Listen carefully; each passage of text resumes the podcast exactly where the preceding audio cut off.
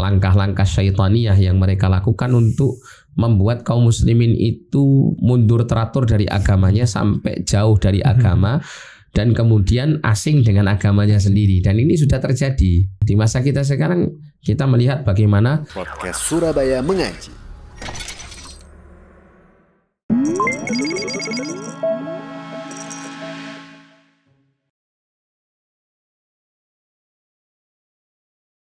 Bismillahirrahmanirrahim. Assalamualaikum warahmatullahi wabarakatuh. Alhamdulillah wassalatu wassalamu ala rasulillahi amma ba'du. Kembali lagi bersama kami di podcast Surabaya Mengaji yang insya Allah akan membahas berkaitan tentang tema-tema menarik seputar keislaman. Bersama kami sekarang Ustadz Muhammad Syahputra Hafidhullah Ta'ala. Assalamualaikum Ustadz. Waalaikumsalam warahmatullahi wabarakatuh. Gimana kabarnya Ustadz? Alhamdulillah baik. Masya Allah. Semoga Allah berikan kemudahan urusan antum Ustadz. Amin. Tapi Ustaz, eh, kita membahas berkaitan tentang Yahudi Ustaz. Salah satu keinginan orang Yahudi Ustaz ya. Keinginan orang Yahudi adalah mereka ingin agar semua orang Islam itu kufur dari keislamannya Ustaz. Nah ini barangkali bisa dijelaskan Ustaz. Iya, itu eh, berkaitan dengan firman Allah SWT, "Walan tarda 'ankal yahudu walan nasara hatta tattabi'a millatahum." Dan tidak akan pernah ridha orang-orang Yahudi dan Nasrani ya terhadap kalian hatta tattabi'a millatahum sampai kalian mengikuti milah mereka. Ya milah itu cara beragama, cara berkeyakinan, cara pandang hidup dan kehidupan ya yang dilakukan oleh mereka. Jadi Uh, di ayat tersebut jelas Allah mengabarkan kepada kita bahwasanya mereka tidak pernah ridho, tidak pernah senang. Ya, ketika kaum muslimin itu beriman kepada Allah dan Rasulnya, kemudian uh, senantiasa mengikatkan diri dengan agama Islam dalam kehidupannya, itu orang-orang Yahudi, orang-orang Nasrani mereka tidak akan pernah suka. Ya, karena memang mereka membenci Islam ini, ya, membenci Islam ini dan mereka bukan hanya benci, tapi mereka menginginkan agar kita meninggalkan Islam, ya, meninggalkan Islam. Kemudian bukan hanya mereka menginginkan kita meninggalkan Islam, tapi juga mereka mengata, Allah mengatakan hatta tattabi'a millatahum. Sampai kalian mengikuti milah mereka, cara beragama mereka, cara hidup mereka, cara pandang mereka kepada kehidupan akidah dan yang semacamnya. Nah, sehingga mereka berusaha semaksimal mungkin untuk melakukan berbagai macam makar-makar siasat dan langkah-langkah syaitaniyah yang mereka lakukan untuk membuat kaum muslimin itu ya mundur teratur dari agamanya sampai jauh dari agama dan kemudian asing dengan agamanya sendiri dan ini sudah terjadi Hmm. ya di masa kita sekarang kita melihat bagaimana eh, ya eh, dari perilaku dari cara pandang dari kemudian bahkan penampilan dan gaya hidup itu kita melihat kaum muslimin sudah tidak berbeda lagi dengan apa yang eh, dilakukan oleh orang-orang kafir terutama dari kalangan Yahudi dan Nasrani ini. Nah, ini menunjukkan bagaimana usaha mereka yang benar-benar masif terus untuk menyesatkan kaum muslimin itu berbuahkan hasil. Itulah gambaran bagaimana kebencian dan kedengkian mereka kepada kaum muslimin. Itu berlangsung terus sampai Iya, sampai kondisi kaum muslimin seperti yang kita lihat sekarang ini.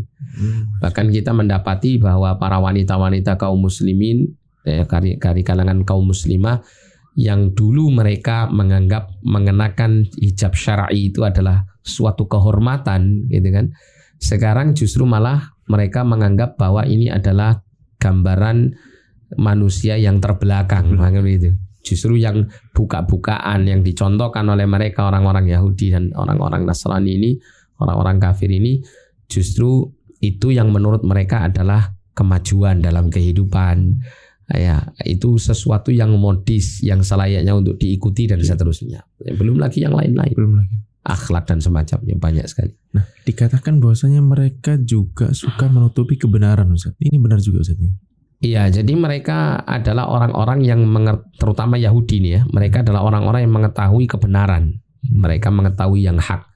Tapi karena mereka itu hatinya cenderung kepada kesesatan, mengikuti hawa nafsu, bahkan dengki dengan orang-orang yang berpegang teguh kepada kebenaran, maka mereka berusaha semaksimal mungkin, sebisa mungkin untuk menutupi fakta-fakta kebenaran ini agar supaya manusia tidak mengikuti kebenaran tersebut dan kemudian uh, justru sebaliknya. Eh, hal ini juga dikatakan oleh Allah Subhanahu wa taala dalam Quran surah Ali Imran ayat yang ke-71. Allah berfirman ya ahlal kitab lima talbisun al-haqqa bil batili wa taktumun al-haqqa wa antum ta'lamun. Wa ya ahlul kitab wa Yahudi dan Nasrani ya mengapa kamu mencampur adukkan antara yang benar yang hak dengan yang batil dan kalian menyembunyikan kebenaran itu sedangkan kalian mengetahuinya. Ya, ini adalah pertanyaan yang bersifat pencelaan dari Allah SWT tentang apa yang dilakukan oleh mereka alul kitab terutama di sini adalah orang-orang Yahudi yeah. karena mereka dikenal adalah orang yang mengerti betul tentang kebenaran. Salah satu contoh yang paling mereka ketahui tentang kebenaran ini adalah mengenai terutusnya Nabi kita Muhammad Shallallahu Alaihi Wasallam sebagai utusan Allah yang terakhir.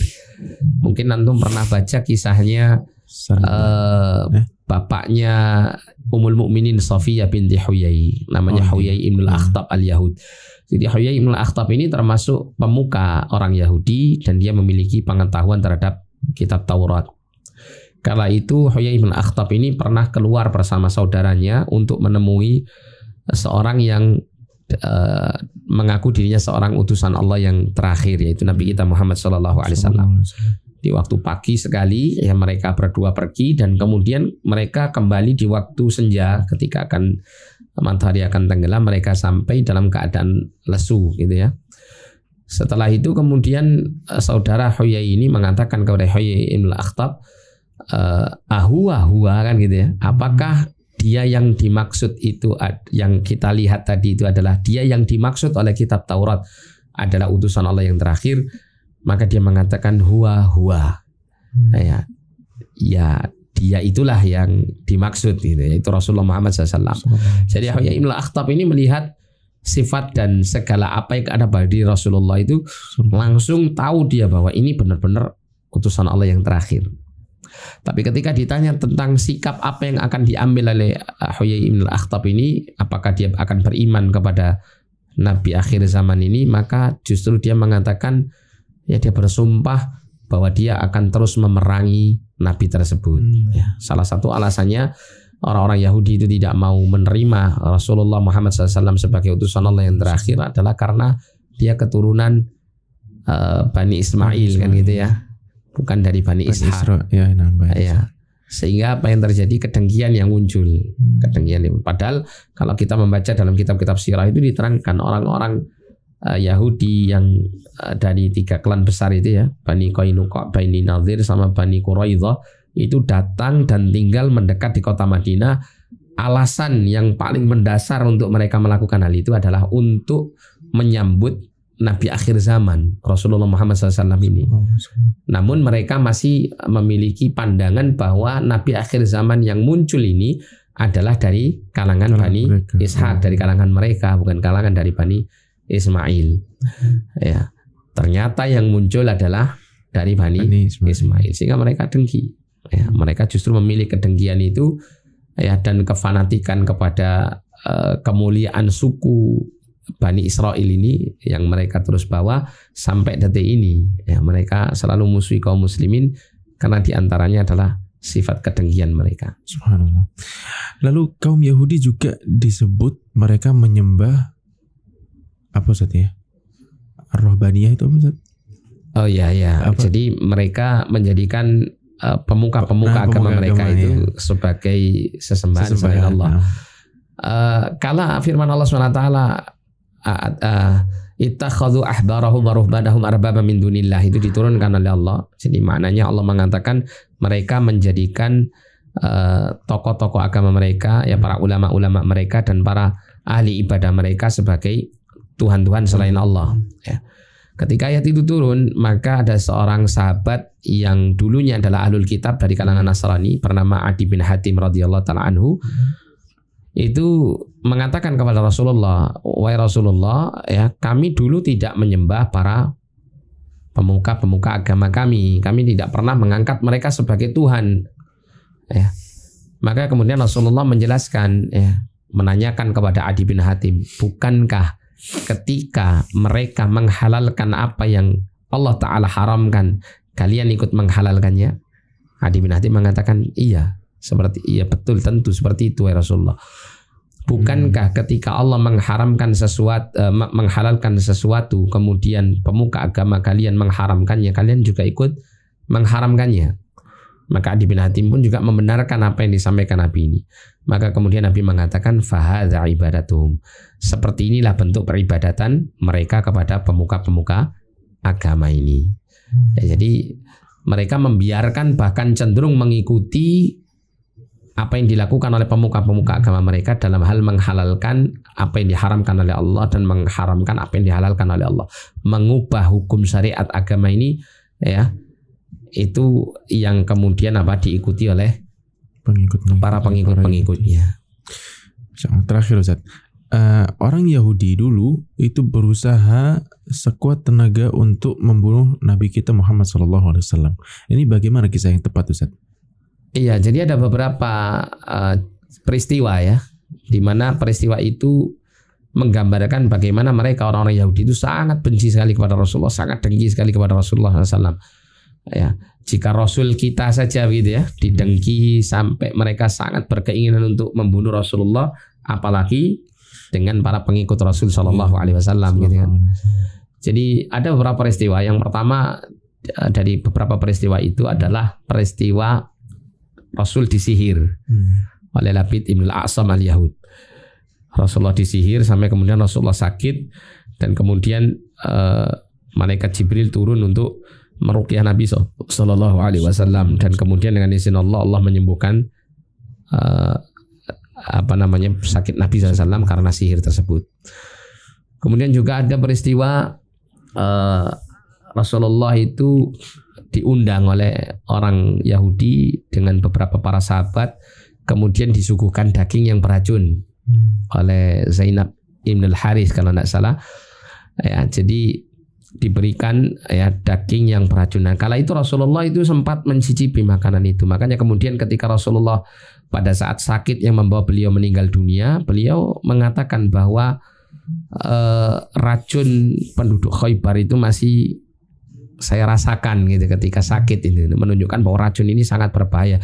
Tapi Allah swt kemudian menolong Nabi ya kala itu dengan apa? Menjadikan daging itu berbicara kepada Nabi SAW mengabarkan bahwasanya di daging ini ada racun kan begitu ya. Hmm. kisahnya kalau tidak salah kurang lebih seperti itu. Kemudian juga ada eh, satu peristiwa di mana Rasulullah itu eh, akan dikondisikan untuk berada di bawah dinding. Dan kemudian orang Yahudi mengatakan siapa di antara kalian yang berani untuk mengangkat batu penggilingan untuk dijatuhkan tepat di atas kepala Muhammad supaya kepalanya remuk kan begitu. Nah, itu juga apa namanya merupakan siasat mereka untuk makar mereka untuk membunuh Nabi. Tapi kemudian Allah memberikan ya informasi tentang eh, makar mereka sehingga Rasulullah pun tidak masuk dalam jebakan yang membahayakan itu. Nah, ini menunjukkan bagaimana ya kebencian yang besar yang dilakukan orang-orang Yahudi kepada Rasulullah Shallallahu Alaihi Wasallam. Itu di antara kisah-kisah yang berkaitan dengan eh, Keinginan bahwa keinginan ya, mereka yang besar untuk membunuh Nabi Shallallahu Alaihi Wasallam ini. Insyaallah jazakumullah Hmm. khairan Ustaz atas penjelasannya. Semoga bermanfaat bagi rekan-rekan sekalian. Sampai jumpa di episode podcast Surabaya Mengaji berikutnya. Assalamualaikum warahmatullahi wabarakatuh.